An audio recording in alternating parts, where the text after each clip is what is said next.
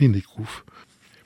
Vesztemre azonban alapos ellenőrként a szekrényajtót kinyitotta az iskolai diák szövetség titkára, a szöszögő-pöszögő filozófus, aki görögből és matematikából is kiváló volt, és lehetett volna pusztán eminens is, de politikai szerepre is igényt tartott. Bár remekül felfogta mindazokat a német, angol és francia nyelvű filozófusokat, akiket a szovjet filozófia professzorok pártján engesztelhetetlenül elítélt, mégis elmondta nekem, hogy mit írnak, és érdekes filozófia történeti tanfolyam részesévé tett.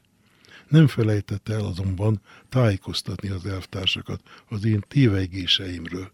Na, szívesen hallgatta rögtönzéseimet, és ironikusan is, hogy már megint milyen bizarr értelmetlenséggel traktálom őt.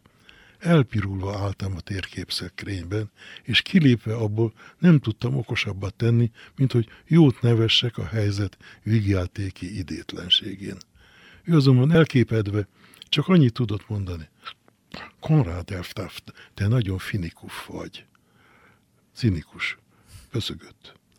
Felvonulás helyett inkább a Dunára vágytam, Hollander Pál barátommal, akinek volt egy két pár evezős kílbótja, amelynek kormányülésén többnyire Erika ült, egy cionista lány, aki a matematikában kiváló volt, mint amennyire szép, de a homloka okos, a beszéde koncentrált.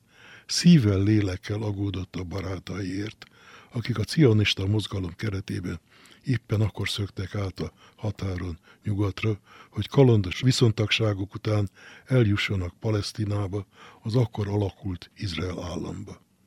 Erika gyötrelmesen aggódott azokért, akik lebuktak, és akiket talán éppen a barátaik buktattak le, államvédelmi kocsin a határba utazva, és vezetve a fegyvereseket az osztálytársaik nyomába, akiktől megtudták, hogy menni készülnek. A tiltott határátlépésre titkon készülőknek egyszer már elég volt félniük a saját államoktól. Akiket bevittek, azokat verték is, szakavatottan, hosszan, elvatulva, hogy megpuhuljanak.